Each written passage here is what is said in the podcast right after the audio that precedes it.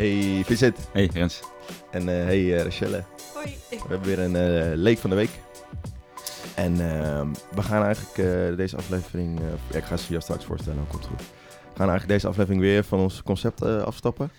Ja, Weer geen persoon. Het, afstappen van het concept is het nieuwe concept. Want we gaan het vandaag niet hebben over, eh, over een personage. Nee, maar Maar over over- heel veel personages eigenlijk. Ja, over, over onze personages. Ja, wat, wat wij, wij maakt. Ja, inderdaad, mooi gezegd. Nee, we gaan het hebben over de kanon eh, van de Nederlandse geschiedwetenschap, geschiedenis, waar wij het allemaal Ja, eh, van over geleerd hebben. En deze week eh ik denk dat wij in eh, was. ook met z'n drie hier eh, van die generatie zijn. Die echt met die kanon zijn eh, opgegroeid. Misschien wel de eerste generatie, eigenlijk.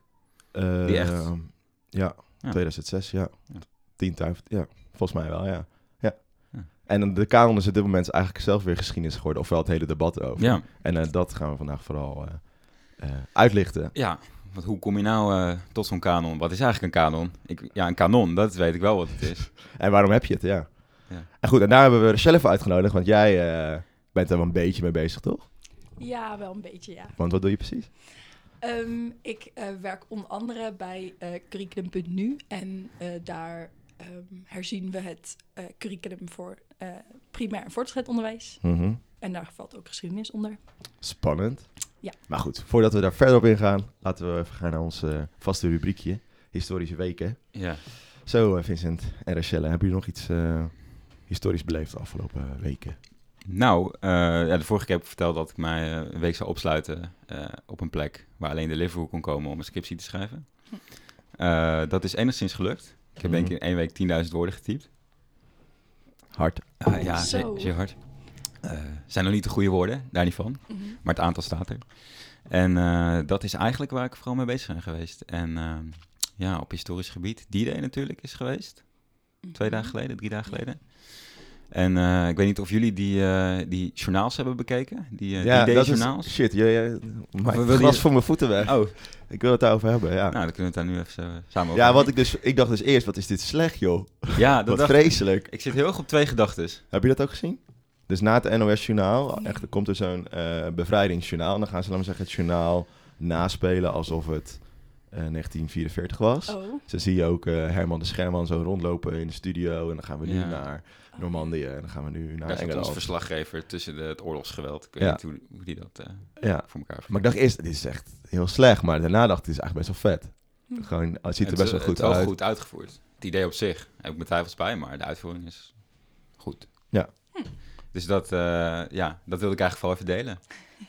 Het was toch wel een beetje een historische sensatie. Je had wel het idee, ze deden Ja. wel goed alsof je er echt was of zo. Of was echt eh, Maar waarom? Ik vraag me ook af waarom ze het doen. Zijn ze op zoek naar... subsidie? Want vol- volgens Ja, ja, 75 jaar bevrijding kun je heel veel geld voor krijgen. Ja. ja, daar weet je natuurlijk alles van. Dus eh, ja, dat is het denk ik vooral. Een beetje daarvoor sorteren. We hebben nu een pilot gehad en dan straks eh, volgend jaar met eh, in mei eh 2020 Gaan alle remmen los. gaan alle remmen Ja. los. Gewoon alleen nog maar gewoon de hele dag uitzenden alsof het eh, 5 mei 1945 was. Vanaf 1 januari 2020 is het eh, alleen maar... eh, elke, geen ja. journaal meer, maar... Ja, straks in oktober, Dolle Dinsdag na spelen. Dat is toch in oktober, toch? eh, ik dacht september. September mag. Maar ergens Oké. daar. ja, ergens in het najaar. En jij, Rachelle? Nou ja, geschiedenis. Ehm, ik eh, denk dat ik eh, vooral met de toekomst bezig ben. Spannend. Heel goed. ja. ja, dat denk ik. Toekomst van het onderwijs. En dus je bent eigenlijk nu geschiedenis aan het schrijven voor later. Precies, ja. Mooi Dat, dat zou ik zo wel willen omschrijven. Ja, zeker. Vet. Het is echt een he- hele invloedrijke positie. Zo ontzettend invloedrijk. Mijn positie. Staat je naam dan ook straks ergens onder? Jazeker. Nee, weet ik veel. Nee. Als we mede mogen gemaakt door Rachelle. Ja, ja, daarom. Ja, daarom zeg ik niet toch. ik ben toch straks beroemd. Ja, vet, vet. Ja. Nee, maar goed, dan laten we een mooi bruggetje maken naar eh, eh, het onderwijs nu. Ja. En geschiedenisonderwijs nu. Afgelopen week eh, kwamen er allemaal allerlei stukken. Eh, in de NRC, Volkskrant zag ik een stuk. Trouw zag ik een stuk, stuk over eh, James eh, Kennedy. Kennedy. Kennedy, een Amerikaans-Nederlandse christenhistoricus. Zoals hij zichzelf noemt. Want hij vindt dat eh, de geschiedenis is eh, ge- geleid of gevormd door God. Ja. Ehm, maar hij eh, gaat de, de kanon uit 2006, dus ons geschiedenisonderwijs, gaat hij herrijken, noemt hij het. Eh, omdat we meer aandacht moeten hebben voor onze schaduwkanten. Mhm. En wij dachten, dit is een mooi moment om daar toch even weer eh, dieper op in te duiken van eh, waarom hebben wij een, eh, een, eh, een kanon en hoe hebben we dat zelf beleefd, want wij hebben zelf onderwijs gehad. Ja. En misschien, eh, hoe ziet het in de toekomst eruit met een beetje hulp van Rachelle. Mhm. Ehm, maar laten we inschijnen op het ontstaan van die, eh, van die kanon. Die is dus uit eh, 2006, als ik het goed heb. Ja. En er is een hele periode aan van onzekerheid volgens mij aan, afge- van, eh, ja, aan vooraf gegaan. Want je, je leest is dat, eh, als we even helemaal teruggaan naar het geschiedenisonderwijs, bestaat nog niet zo heel lang, eind 19e eeuw. Eh, toen was het verplicht op de eh, lagere school. En op een gegeven moment eh, wordt het ook verplicht op het voortgezet onderwijs. Maar dan krijg je in 1968 de Mammoetwet. En dan wordt geschiedenis een keuzevak. Ja. En wordt helemaal En dan wordt ja, afstand gedaan van de chronologie eigenlijk. En dan zie je dat steeds meer mensen het doen, het vak kiezen. En dat bij de examens van de Mammoetwet, dus bij de examens van de geschiedenis door de Mammoetwet, krijg je twee thema's die eigenlijk niks met elkaar te maken hebben. En waarin, laten we zeggen, de tijdverschil tussen die twee thema's is niet van belang. ja, stap eigenlijk over van chronologie naar thematische Ja. benadering. Ja. En dan had jij iets over waarom ze dat hadden gedaan. Want het ging dus meer, want dat ze vertelde je me net, het gaat dus meer over vaardigheden leren. Ja, toch eigenlijk die, the- die thematische benadering gaat dus meer om eh, ja, het opdoen van eh, dat werken met die bronnen en, en met die geschiedenis. En gaat helemaal niet over het eh, leren van een bepaald verhaal of bepaalde feiten. Mhm. Eh, en, en na die eh, richting de jaren 2000 eh, zien ze wel eh, dat het toch wel belangrijk is om toch wel een soort van verhaal eh, te gaan leren in, in, in, ja, in relatie tot je identiteit en wie je bent en, en Tot je zoektocht zijn. daarnaar. Ja. Ja, Ja, want dan, eh, als je dan vaak, als je de stukken leest daarover, dan halen ze altijd eh, het multiculturele debat aan. Eh, dat Ja. is natuurlijk ook een bekende term, maar dat is eigenlijk geïntroduceerd in 2000 door Paul Scheffer, die in de NRC eh, allerlei stukken schreef over het multiculturele drama. Dat het helemaal niet goed gaat met alle, eh, zeggen, hoe zeg je dat netjes? Alle mensen met een multiculturele achtergrond die kunnen zich niet goed eh, vinden in, in, vinden in de Nederlandse samenleving. En dat, en dat werkt allemaal niet en dat leidt tot spanningen. Eh, nou, wil je dat een keer allemaal lezen? Het staat op NR, je kunt een hele, het hele archief st- staat gewoon op NRC, kun je allemaal teruglezen. Super interessant hoe iedereen daarop reageert. Ehm, en daarna eh, zie je dan die politieke, twee politieke moorden op Theo van Gogh en op eh Pim Fortuyn. En dan wordt ook nog vaak een moment aangehaald dat Maxima zei van het Nederlander zijn bestaat niet. Ja. En daaruit blijkt eigenlijk dat er een soort van onzekerheid is over het Nederlands zijn. En hoe je dat moet vormgeven en wat dat dan precies inhoudt. Ja, Eh, en dan samen met dan dat het geschiedenisonderwijs gaat over vaardigheden leren. In plaats van over het zijn, over het worden. Of het, ja, hoe noem je dat? Het, eh, over je identiteit. Mhm. Eh, komt er een eh, stuk van eh, De Roy. Pieter Roy, ja. Die daar eh, mootjes van maakt. Of zeg je dat? Het in mootjes hakt het hele geschiedenisonderwijs. Ja. En zegt we moeten naar de tien tijdvakken gaan. En Die het daaruit- behap- behapbaar maakt eigenlijk voor, voor, de, ja, voor de hele bevolking om dat eh, te kunnen... Met als doel, met als doel om, eh, om, om historisch bewustzijn en dus meer over jezelf te leren.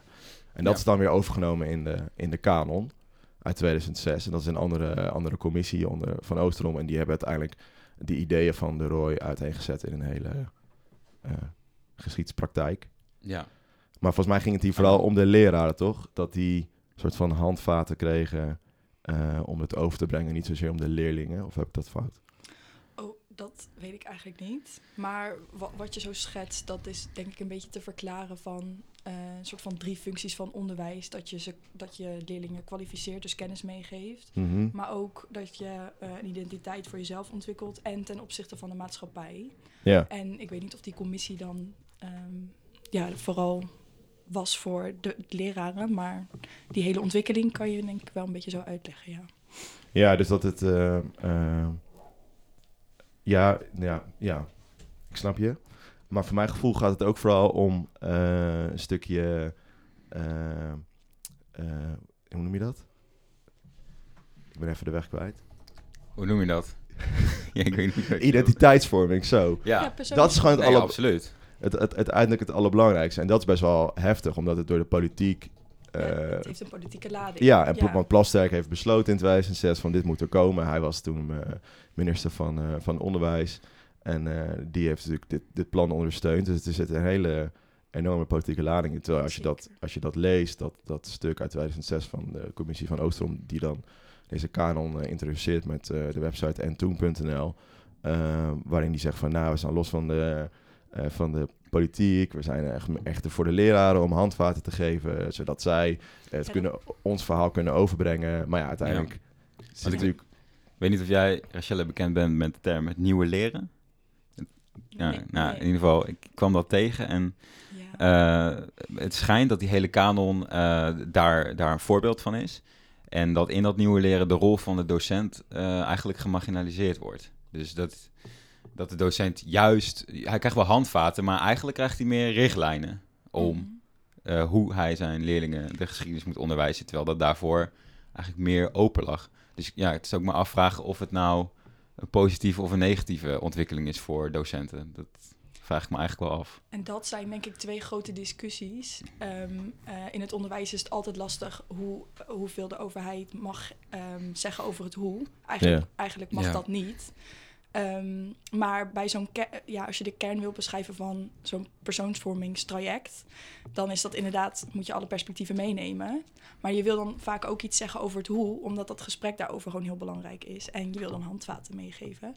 Maar dat is dus allemaal heel grijs gebied, omdat je dat, ja, ik weet niet, dat is gewoon altijd lastig. Dat zijn ja, blijvende discussies, ja, zeg maar. tussen de... En de- dan normaal bij zo'n geschiedschrijving, wat gewoon heel belangrijk is. Ja. Laten we dan even een paar stukken of een paar belangrijke hoogtepunten eh, eruit pakken uit, eh, uit de kanon uit, van 2006. Ja, Het zijn dus 50 eh, vensters. vensters. Niet objecten? Nee, echt vensters. Ze noemen het vensters, want het zijn, ja, het zijn ook meer, het is meer dan objecten. Het zijn ook personen of gebeurtenissen of periodes. Ja. het is, het is niet echt een pijl te trekken waarom we nou eh, voor de periode, eh, voor, voor een periode in de 15e, 14e, 16e eeuw wordt gekozen voor een object. En dan vervolgens in een eeuw daarna wordt gekozen voor een persoon. Of Misschien omdat er geen objecten waren. Ja, dat denk ik. Ik Toch? denk vooral omdat er vroeger misschien meer objecten waren en Mhm. dat het richting nu meer aan personen kan worden gehangen. Zo zie je dat het eh, begint in eh 3000 voor Christus bij de Hunebedden. Ja, d- je kan het meisje van Ide, of hoe heet het, eh, Oh, ja. aanhalen, maar Dat is toch Voor dat het eerst. Veenmeisje? het veenmeisje, Ja. ja. Die nog helemaal intact was met blonde haren. Ja. Hard. Ja. Maar jij, jij had ook eh, gekeken, er zijn er bijvoorbeeld maar drie vrouwen in. Ja, dat, eh, ja, Mhm. dat is inderdaad... eh, En meer dus daar schort het wel een beetje aan. veel meer mannen. En dan, eh, als het gaat bijvoorbeeld om emancipatie, zit er wel in, maar dan gaat het altijd over eh dolomina's. Terwijl er volgens mij veel meer vormen Ja. van emancipatie zijn. Mhm. Ik denk dat je het dan ook al, als je dat zo erg benadrukt, dat je emancipatie al heel snel wegzet als iets heel activistisch. En, eh, en, en ook meer een, een soort opleving in, in, in, in de politieke eh, omgeving, in plaats van meer een verandering van de samenleving aan zich. Ik weet Mhm. niet, dat, Ja, ja dus dat echt ja. feminisme meer, juist niet in, dat, in die activistische hoek zich afspeelt, maar meer... De, Ja, en ook een, een langer termijn denken is. En Ja. die is het heel erg korte termijn van ja, ze st- ontstaan en ze zijn weer weg. En Ja. Ze hebben niet echt wat, maar ze hebben wel dingen bereikt, maar dan zijn ze niet daar duidelijk over. Maar vooral natuurlijk de kritiek van vandaag de dag is dat er zo weinig schaduwkanten in staan. En dat eigenlijk ehm, het idee van, van de commissie van die kanon was dat elke Nederlander zich daarin kon herkennen. Ja. ja. Maar wat blijkt nou? is helemaal niet zo. Want Nee, heel veel punten uit ons, uit onze geschiedenis worden niet benoemd. En daar komt dus nu eh, veel meer aandacht voor. En natuurlijk het, belang, of tenminste het belangrijkste of het meest voorkomende argument is altijd het slavernijverleden zit helemaal niet goed verweven in ons, eh, nee. eh, in ons verhaal. Maar eigenlijk is het misschien wel het grotere punt is dat het heel erg eurocentrisch is en heel erg op Nederland gericht. Mhm. Terwijl het juist gaat over Ik denk dat de de kanon wereld, eigenlijk eh, verkeerd om is, is beredeneerd en bedacht. Ik denk dat ze eerst hebben gekeken, of, oké, wat willen wij dat Nederland is? Of wat willen wij dat ne- mensen denken dat Nederland is? En, van, en daaraan gaan we in de geschiedenis zoeken naar bepaalde dingen die daar eh, op aansluiten. En dat Mhm. zie je gewoon heel duidelijk terug. Dat het, eh, dat het heel erg eh, die, eh, de tolerantie van geloof en, eh, en de wereldhandel en al dat soort dingen, dat, dat, dat is oververtegenwoordigd in die, in die kanon eigenlijk. Mhm. ja, dus wat de politiek wil dat wij zijn, dat Ja. staat erin. Of ja, Ja. of wat wij denken dat wij zijn in ieder geval. Ja, Ja. Ja, mooi. Goed gezegd. ja. Heel goed gezegd. Maar eh, ja, maar als we dan even kijken naar die kritiek van, kritiek van eh, vandaag de dag. Er was twee weken geleden dus verscheen eh, een stuk van de Black Archives. Dat is een, nou ik weet niet zo goed hoe ik het moet noemen, een archiefinstelling noem ik het maar. Die een soort van, zonder dat zij het wisten, dat dit deze week in het nieuws zou komen, al een soort van nieuwe kanon hebben geschreven.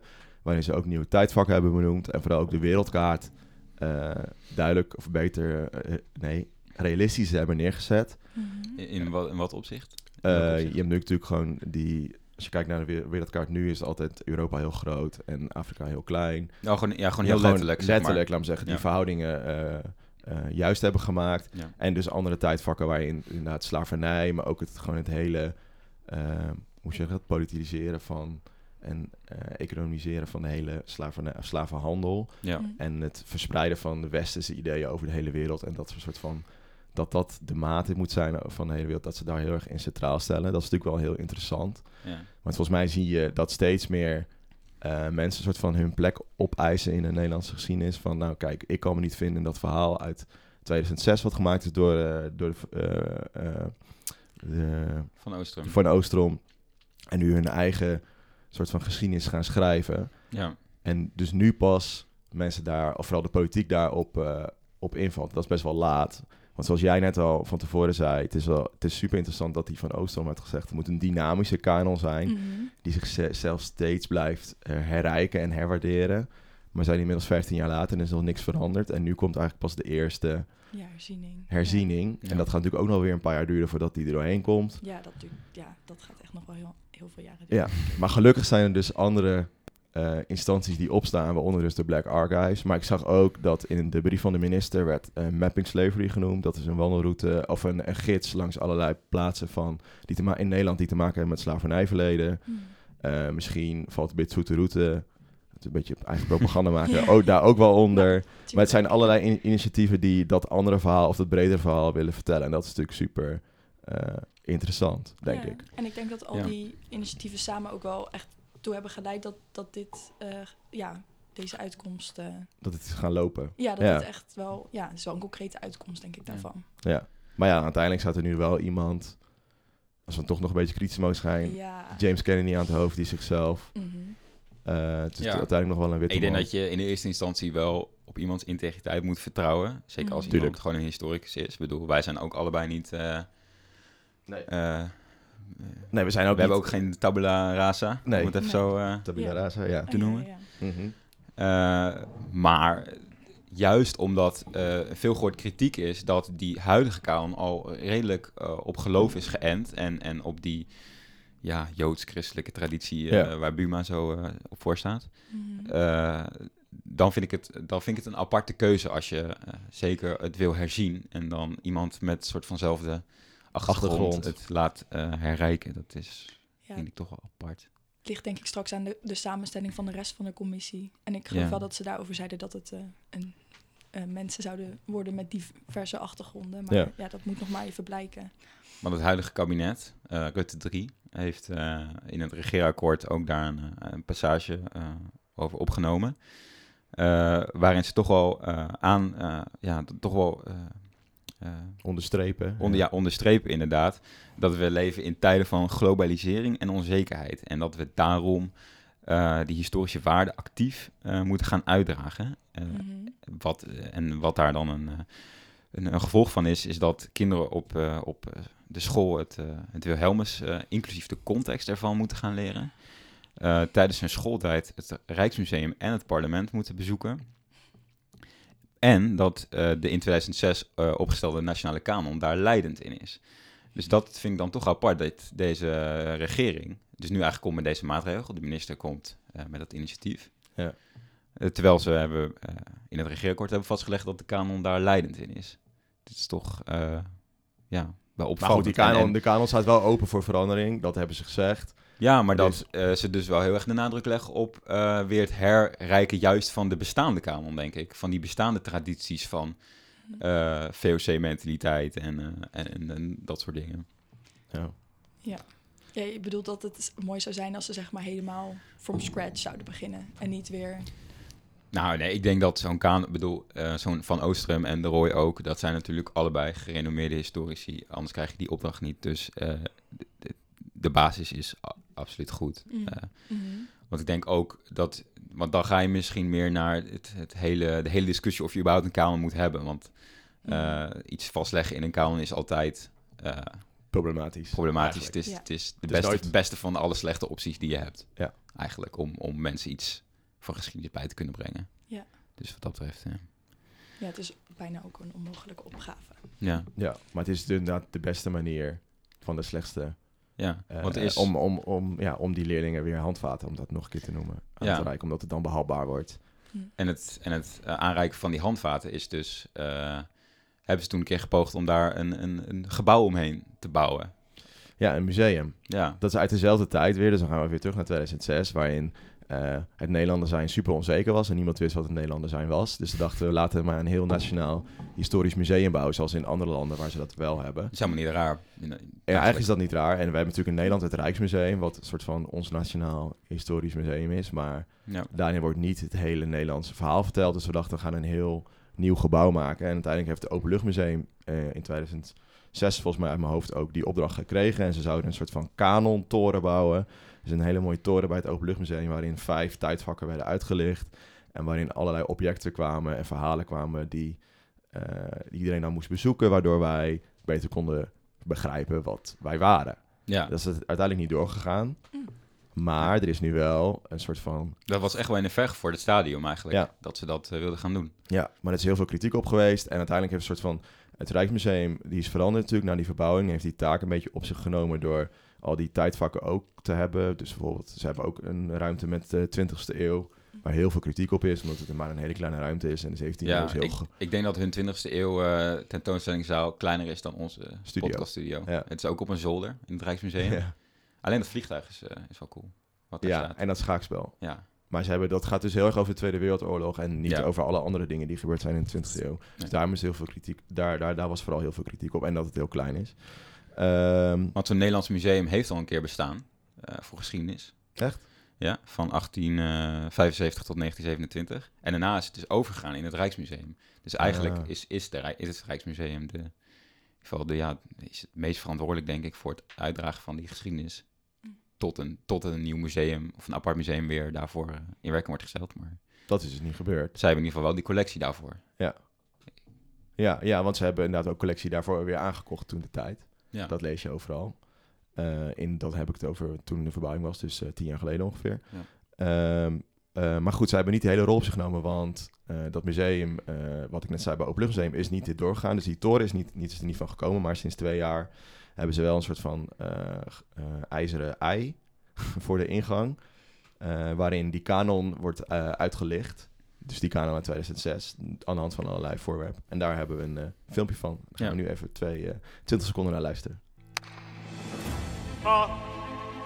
We staan hier in de koepel van het Openluchtmuseum. Van buiten ervaar je dat als een groot eh, koperen ei. Maar van binnen is het eigenlijk onze kleine kathedraal. Hier komt eh, een prachtig overzicht van de hele Nederlandse geschiedenis. Wij brengen de geschiedenis dichterbij dan ooit. En dat ga je hier voelen. Eh, dus dat is heel leuk. Eh, maar goed, het is nog steeds diezelfde kanon uit 2006 wordt daar eh, gerepresenteerd. Gerepresenteerd, sorry. Ja, zou het ook een stukje wrok zijn. Eigenlijk het Openluchtmuseum zou eerst die, die toren mogen bouwen, wat jij zei. Ja. Zouden ze nu echt op eigen initiatief eh, toch dit zo gedaan hebben? Om, Leuk scriptieonderwerp. Ik, ja, het zou ook best kunnen zijn. Ik heb, dat weet ik niet zozeer hoe dat gegaan is, uiteindelijk. Nee. Eh, maar zij hebben nu gewoon een soort van taak dat erbij. Dus ze hebben een vaste tentoonstelling, dus dat is gewoon het Openluchtmuseum. En dit zit dus voor de ingang, wat er dus bij hoort, waarin... eh, dit is dan ook een soort van vaste tentoonstelling. En dan hebben ze een soort van maanthema's. En die maanthema's in het museum, dus als je door rondloopt, die komen uit, de, eh, uit die kanon. Dus nu gaat het bijvoorbeeld over eten, dacht ik. Hm. Eh, over de Nederlandse eetcultuur. En dat zie je dan overal weer eh, terugkomen. Waar ze dan wel bijvoorbeeld eh, iets over eh Molukse eten hebben, omdat ze de Molukse barakken hebben. Dus dat zij denken van, nou ja, we, doen, we hebben het goed gedaan, want we hebben ook dat stukje geschiedenis. Maar bijvoorbeeld wordt niet heel erg duidelijk waarom wij peper en specerijen gebruiken in Nederland. Dat stukje slaan ze dan weer een beetje over, vind ik. Ja, het is natuurlijk voor scholen heel, heel handig eigenlijk. Dat ja, want je stuurt die kinderen gewoon daar naartoe. En dat is ook de bedoeling vanuit de overheid, is geld voor. En eh, binnen een dag hebben ze vier jaar eh, of drie jaar geschiedenisonderwijs gehad. Ja, Handig. Super handig. het is eigenlijk, ja, eigenlijk maakt heeft de overheid zijn taak niet afgemaakt door enerzijds de kanon op te stellen. En vervolgens die plekken die dan in die kanon staan zijn super eh, verspreid over heel Nederland. En, eh, en als je naar zo'n eh, naar dat openluchtmuseum gaat, dan heb je dat inderdaad allemaal in één Ja, keer. maar dat is ook het idee. Dat, En daar wordt het dat. echt voor je eh, zichtbaar en Je kunt het duidelijk. ook naast elkaar zien en dan kun je die verbanden gaan leggen tussen Ja. verschillende periodes. Maar goed, we hebben er nu de hele... Ja, we moeten naar de toekomst. We moeten naar onze toekomst kijken. En daar, is, daar hebben we Rachelle ook, want die kan ons daarbij helpen, denk ik. nee, we hebben dus nu even over gehad. En we zien dus vooral dat eh, de kanon gaat over eh, begrijpen van jezelf. Maar dat heel veel mensen zich daar niet in kunnen vinden. Omdat heel veel verhalen niet compleet worden verteld. Of niet eh, helemaal worden verteld. Ik had het net al over het slavernijverleden. wat, waar, waarin niet duidelijk wordt dat het eigenlijk dat het een heel systematische aanpak was. Ja. Vind ik. Maar vooral dat het iets van... Het zit al in de kanon, het zit er nu eer- meer in van... Nou, het is gebeurd. Naast dat we handel dreven, kwamen ook nog toevallig Ja. de, de slaven, het slaafgemaakte erbij. Eh, maar... ehm, Ja, het wordt eigenlijk meer als een soort valuta haast beschouwd, mooi, ja. toch? Ja, een soort van... Ja, het is dat... Is dat die, een driehoek- soort- die driehoekshandel. Van, Ja, ja, ja, als, dat- je, als je suiker uit, eh, uit Zuid-Amerika wilde halen, ja, dan moest je slaven uit Afrika halen, anders kon je dat niet. betalen. Nee. Nee, nee, nee, ja, ja, dat is inderdaad zo. Maar goed, dat hele systematisch denken... Dat werkt natuurlijk nog door op Ja. de dag van vandaag. En dat is eigenlijk misschien veel interessanter. Dat is veel interessanter, want daar gaat, dat gaat ook over je zijn en, inderdaad, en over alle misschien wel problemen, maatschappelijke problemen of clashes of spanningen die er nu zijn. Die kunnen dat ook weer een beetje, beetje bij beetje verklaren. Ja. Dus dat zou ik bijvoorbeeld, dat is dan mijn eerste tip aan eh, James. Ja. Doe, doe daar iets mee. Doe, eh, la- laat dat zien, dat hele systematische stelsel. Eh, Ja. En kijk ook, en dan, dan kun je met mij ook een mooi linkje maken naar vandaag de dag. Maar het is natuurlijk eigenlijk ook heel interessant, want dat, daar weet jij misschien ook wel wat van met die bitterzoete route. Eh, dat eigenlijk daar veel minder nadruk ligt op eh, de 19e eeuw. Eh, dat dat eigenlijk de geschiedenis is van die straatnamen en niet Ja. het verhaal wat die straatnamen vertellen. Nee, dat, dat in de 19e eeuw die straatnamen bedacht zijn, zegt veel meer over de 19e eeuw dan wat het, wat het überhaupt zegt over, over de Gouden Eeuw.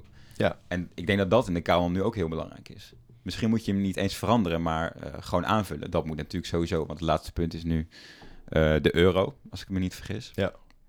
Nou ja, dat is ook al een tijdje geleden en eh, dat heeft ook al wel... zit Center er niet in. Nee, dat zit er bijvoorbeeld niet in. Het hele 9/11. terrorisme eh, aspect wat de wereld denk ik wel redelijk veranderd heeft. Ik zou zeggen 9-11 na de val van de muur. Belangrijkste moment in de West-Europese geschiedenis. Met Ja, kan. handteken Dus dat is, eh, dat is, ja, maar dat is dus iets voor jou. Er, moet nog, er, nog recentere geschiedenis bij. Ja, dat absoluut. Ja, anders heeft het geen zin, Ja, dat denk zo'n ik ook, kanon. Eh, dat hebben we ook al op Instagram aangehaald. Eh, de Groningse gasbel zit erin als, als messias van de Nederlandse wederopbouw, eh, zou je het haast kunnen zeggen. Ja. Mhm. Eh, daar echt, dat is echt door God geschonken geluk wat we daarmee hebben bereikt. ja. Hebben we ons hele land weer mee kunnen Ja, opbouwen na de oorlog. Ja, met dat geld. Ja. Ja, over het land van Boerboon in, eh, in- nabij Slochteren. Is, eh, vonden ze dat toen? Nou, dat was, dat was niet normaal. Heel Nederland over op de HR-ketels. Ja. Wat blijkt eh, nou? Nou, je kunt het ook nog een keer hebben over de energietransitie. Ja. Wat toen echt in vijf jaar gebeurd was. En nu onderdeel van discussie wordt waarschijnlijk de komende twintig jaar. Ja. Ehm, maar in ieder geval, dat is natuurlijk, heeft ook wel een, eh, een kleine toevoeging nodig eh, vanuit de huidige, huidige perspectief. En, en dat is net zoals met dat slavernijverleden, denk ik, dat je niet per se, je moet het wel noemen bij het verhaal van de VOC, maar ik denk dat het nog veel belangrijker is om aan te halen dat het opkomt in, in de afgelopen tien jaar, eh, dat daar ontwikkeling in is en, en dat je dan moet terugverwijzen naar de VOC misschien. En, en, Ja. Dat is wel interessant. Dus dat je een soort van bij, bij dat tijdvak wat daarover Ja. gaat, dat je een soort van hedendaags actueel haakje zegt van trouwens, ja, let even op hiermee. Dit zegt ook iets over de tijd van nu. ja. En dat vind, ik, dat vind ik zelf natuurlijk heel interessant. Dat vind ik zelf misschien wel het interessant van geschiedenis. Want Het gaat veel heel, erg, interessanter. gaat heel erg over, over herinneringen en hoeveel mensen denken over dat verleden. En dat zegt ook heel veel over de tijd. Dus Eigenlijk de geschiedenis van de geschiedenisbeleving is veel interessanter dan de geschiedenis zelf. ja, dus het debat nu over de kanon, dat zegt ook iets over deze tijd. Ja, Toch? absoluut. Dat, dat, dat, is super interessant. Tot, de, tot 1960 vo- was niemand daarmee bezig. Nee. En daarna opeens wel. En, en nu voelt men de noodzaak om datzelfde gevoel weer opnieuw eh, wat kracht bij te zetten. Dat, Ja, mooi. En jij, Rachelle, heb jij nog dingen, dingen van waar je denkt van... Nou, ik denk vooral, niet inhoudelijk heb ik iets te zeggen, maar dat vooral die commissie gewoon echt, echt ehm, divers zou moeten zijn. Zodat Mhm. we wel echt nu eh, verbeteren. Want wat Vincent al zei van, mensen hebben er gewoon goed over nagedacht. Dus de basis ligt er. Maar waar het nu de hele tijd over gaat, is dat er gewoon bepaalde mensen zich niet kunnen vinden hierin. Ja. Ja. En inderdaad, wat jullie ook al zeggen, van als je eh, dingen nu wilt verklaren, dat kan met wat je in die kanon eh, eh, ja, bespreekt. Dus Ja. dat, dat is denk ik wel echt belangrijk, hoe die commissie straks wordt opgesteld. Ik ben ook wel benieuwd in hoeverre het onderwijs, eh me zeggen, invloed heeft op die kanon. Want zij moeten natuurlijk uiteindelijk dat gaan overbrengen. En als zij daar helemaal niet in betrokken worden, dat is natuurlijk ook weer... Ja, maar aan de andere kant, je kan niet verwachten van docenten, eh voortgezet onderwijs en eh, primair onderwijs dat zij ja, daar echt een goede visie op hebben. Dus ik denk dat het op zich niet heel gek is dat experts daarmee aan de slag gaan. Ja, maar zij werken toch wel elke dag met die kinderen die het uiteindelijk moeten leren. En zij weten dus wel wat wel werkt en niet, toch? Ja, maar eh, dat is dus het mooie aan het Nederlandse onderwijs. Of het niet mooie, daar, zijn, Ja. daar kan je natuurlijk ook veel over zeggen. Ehm, eh, eh, zeg maar, het, de overheid mag iets zeggen over het wat. Dus welke kennis en vaardigheden en houdingen worden aangeleerd. Of in zo'n kanon worden opgenomen. Docenten die zeggen iets over het hoe. Dus hoe zij denken dat zij het beste kunnen overdragen op, die, op die leerlingen. Ah, en dus, ja. en dat, is, dat is echt de scheiding. Dat, dat is kenmerkend voor het onderwijs in, eh, in Nederland. En dan kan je ook weer zeggen of je dat... eh, Ja, ik denk dat, dat, dat de politiek überhaupt niks heeft te zeggen over het wat. Nee. En eh, meer of het over het hoe. over de nee, hoe vooral. nee, allebei. Maar en dat de overheid eigenlijk alleen gaat over dat. Dat er iets moet gebeuren. En wat het dan is, ja, dan moet je dan nog gaan overlaten aan, aan mensen die daar verstand van hebben. En, Oh, en hoe zo. dat vervolgens Ja. moet gebeuren. Maar de overheid is wel uiteindelijk verantwoordelijk voor het wat. En zij zetten dan experts daarvoor in. Mhm. Maar Ja. zij zijn wel verantwoordelijk voor dat dat wat dan eh, ja, eh, nuttig is. Ja, en ja, bijdraagt aan bijvoorbeeld die identiteitsvorming van eh, alle leerlingen in Nederland. Ja, Ja. Wat zo'n proces, hoe kun je daar ons misschien in, in, in- zo'n proces, als zo'n als zo'n commissie aan de slag gaat... de minister heeft dan wel gezegd van... eh, nou, die, ehm, er is een... een, een ehm, hoe heet die nou? Ik ben gewoon even zijn naam kwijt. Van Oostrom? Nee, die, die James nu- Kennedy. Ja, James. Ehm, James die gaat het dan leiden. En Ja. die moet eh, gewoon elke stap en elke keuze die hij gaat maken, moet hij totaal verantwoorden. En, en ehm, ja, de overheid moet dat controleren of dat goed gaat. Maar die heb- hebben verder niet inhoudelijk iets te zeggen over dat proces. Die laten dat nu echt over aan James. Mhm. En straks eh, is dat dan, eh, ja, hebben ze bijvoorbeeld dan eh, een nieuwe kanon. En dan gaat iedereen daar weer op schieten vanuit de Tweede Kamer. Ja. Maar dat proces, daar is James dan even voor verantwoordelijk. Ja. Dus de- het is aan hem of hij dat goed aanpakt. En Ja. of er straks eh, kritiek op is. Of dat iedereen denkt, nou, nu kunnen we ons er wel in vinden. ja. Oh, interessant. Ik ben ook wel benieuwd of dan een politieke partij of een regering een soort van eh, het opeist. Van let op, kijk wat we goed hebben gedaan. Wij hebben weer de nieuwe kanon geïnteresseerd. Of we hebben de kanon herrijkt. Ja, Volgens mij is dat niet echt... Zeker, dat zijn heel vaak Ja? stokpaardjes van, eh, ja zeker. Ik ben gewoon heel bang eigenlijk dat wij, dat onze generatie, dus wij zijn allemaal rond de 25, Ja. Mhm. eh, de geschiedenis van alle kabinetten Balkenende hebben geleerd. Dat Mhm. onze kinderen de geschiedenis van de kabinetten Rutte gaan leren. En dat je op die manier, ja, eigenlijk het hele idee van een kanon, om, eh, de, de, de stoelpoten daaronder vandaan zaagt. Ja. Omdat je Mhm. dan juist niet, eh, ja, dan... De hele Dus- dus kwalificatie gaat er dan vanaf als je zegt dit is het belangrijkste, terwijl dat eigenlijk alleen maar voortkomt uit politieke Ja, eh, ideeën. maar dus eigenlijk is het dus... Het is gewoon zo ontzettend belangrijk dat die, dat die James dat gewoon goed gaat doen. Ja, En ehm, dan is het aan. Uiteindelijk zijn er altijd, bijvoorbeeld net zoals dat dat Wilhelmus in het regeerakkoord staat. Dat is Ja. ook gewoon een stokpaardje ook van gewoon een beetje bepaalde een mensen in de wassen Tweede neus. Kamer. Ja, Ja. Ja. en dat is, dat is gewoon echt balen aan de Nederlandse politiek en het onderwijs, vind ik. Daar, daar, ja. ja. Ik Oftewel, het is gewoon uiteindelijk- zorgen om maken. Ja, blijft het een politiek eh, middel. Hoe, hoe, hoe hard ze ook roepen dat, eh, Het niks, is- maar dat het niks politiek Het is democratie. Dat Tuurlijk, het het is is. absoluut. Vooral omdat het zo belangrijk is voor, omdat het zo gelinkt is aan de Nederlandse identiteit. Ja. Wil juist iedereen daar iets over zeggen Ja. in, in de Tweede Ja. Kamer dan. Ja. Maar ik vraag me zo af, want het CDA is natuurlijk daar heel erg mee bezig geweest. Ook met die eh, campagne van... En die hebben natuurlijk ook dat Wilhe- Wilhelmus idee geïntroduceerd. En Mhm. eh, wat is het nou? Ze- Iedereen krijgt ook een... eh, de kanon uitgereikt als die, twee, als die 18 is geworden. Geen idee wat dat betekent. Ja, Krijg dat je dan, staat in het regering. Krijg je dan een boekje of zo? Ik heb geen idee. Maar, eh, ik heb het nooit eh, gehad. Nee, ik ook niet. Maar ik ben dan benieuwd hoe, ze, hoe, hoe verder nu zij ook dan een rol hebben gespeeld in eh, James Kennedy aanwijzen. Want dat Oh is ja. ook natuurlijk een christen uit dezelfde hoek. Ik denk dat dat absoluut een rol heeft gespeeld. Ja. Ja. Als Ja, je ook dat, eh, die passage daarover leest, het gaat heel erg veel over geloof Ja. en over, eh, over nationale, nationale gevoelens en, en dat soort dingen. Mhm. Ja. En, en, dan, en dan een paar zinnen over, eh, over economie, waar je dan de VVD weer in, eh in Oh ja, ja. Dus Ja. En, heel, Ja. en heel weinig over ja, D66. sociale ontwikkelingen of, of dat soort dingen. Dat is Helaas. helemaal niet relevant. Ja, dus kortom. Kortom, mooi, eh, er is geen goede oplossing. Nee. We zijn gedoemd. En het is, het is op zich mooi dat dit initiatief er is. Maar Ja. Of het echt tot een mooi einde gaat. eh, Ja, misschien leren we uiteindelijk het meeste van het debat hierover in plaats van, van de kanon zelf. Over ons zijn. Toch? hm. Dat denk ik absoluut. Ja. Dus moeten we gewoon Je heel veel... heel aanzetten, veel aanzetten tot denken. Dat is Ja. eigenlijk de belangrijkste taak. ja, denk ik. en dat, is- dat gebeurt op zich wel. Ja. Denk ik. Maar nog niet... eh, misschien straks beter dan nu. En misschien, eh, om als- even nog af te sluiten, oh, je- dat je moet benadrukken eh, dat het een kanon is. Dat mis ik misschien nog wel, in, bijvoorbeeld in het onderwijs. Van, jongens, we leren dit, maar Ja, dit is niet eh, alles. het is niet alles. En eh, we proberen het ook maar, dat je het- ook een stukje verantwoording voor Ja. wat je onderwijst en waarom je dat doet. Ja. Misschien dat ze, als ze dat al eh, erbij eh, doen, dat je zo'n kanon al veel meer waarde meegeeft. Ja, Misschien een beetje op dezelfde manier als bij kunstgeschiedenis. Bij kunstgeschiedenis. Want daar hebben ze toch een kanon van allerlei stromingen. Nou ja, er is, eh En en daar benoemen niet ze- zozeer vanuit de overheid een soort kanon of zo, maar de, er is gewoon heel erg een idee van, eh, van een ontwikkeling, eh, van wat op wat volgt Ja. en, en wat belangrijk is en wat mooi is. En eh, eigenlijk die keren dat ik daarmee in aanraking ben gekomen in, in mijn studie, merkte ik, zeker met geschiedenisachtergrond, dat er heel weinig vragen bij worden gesteld. Dat dat meer als soort waarheid wordt aangenomen en dat je binnen die waarheid moet, moet opereren. En natuurlijk zijn daar ook allerlei kritieken op, op, ook wel, maar veel minder dan bij de geschiedenis, omdat veel minder selectief is, denk ik, in, in, in wat je... de- daar is wel redelijk veel consensus Ja, over. ja, misschien worden daar Hmm. meer objecten gebruikt om die verandering eh, aan te tonen. ja. Dus op die manier, dus schilderijen, kunstwerken hebben gebruikt om dat te zien van, nou, we gaan nu van Ja. neoclassicisme naar, eh, waar ga je daar naartoe? Maar goed, en, Barok. en dan nogmaals, dan zie je ook weer dat eh, tot de 19e eeuw Rembrandt eh, eigenlijk he- heel weinig eh, in de aandacht staat en Ja. dat dat Ja, pas in de precies. 19e eeuw weer opkomt. Dus eigenlijk zegt dat ook heel veel over ja, de, Mm. de, Over de tijd. de tand destijds. Ja.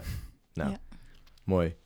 Eh, ja, we, volgens we mij, bij het einde? Zijn we bij het einde. Volgens mij hebben we vooral laten zien dat eh, de, de kanon gaat over de geschiedenis, maar hij heeft vooral ook echt een, eh, enorme eigen geschiedenis. Ja. En eh, Ja. als je straks nog een keer geschiedenisonderwijs hebt of erover nadenkt, dan eh, hou dit in je achterhoofd. Ja, dat het wees kritisch. Is. Wees kritisch vooral en blijf zelf denken. Ja. Nou mooi. Mooi, Mooi toch? Mooie Ja. morele Ja. Ja. opdracht. Het huiswerk van deze week. Ja, Ja. precies. Denk daar maar eens even over na. Ja.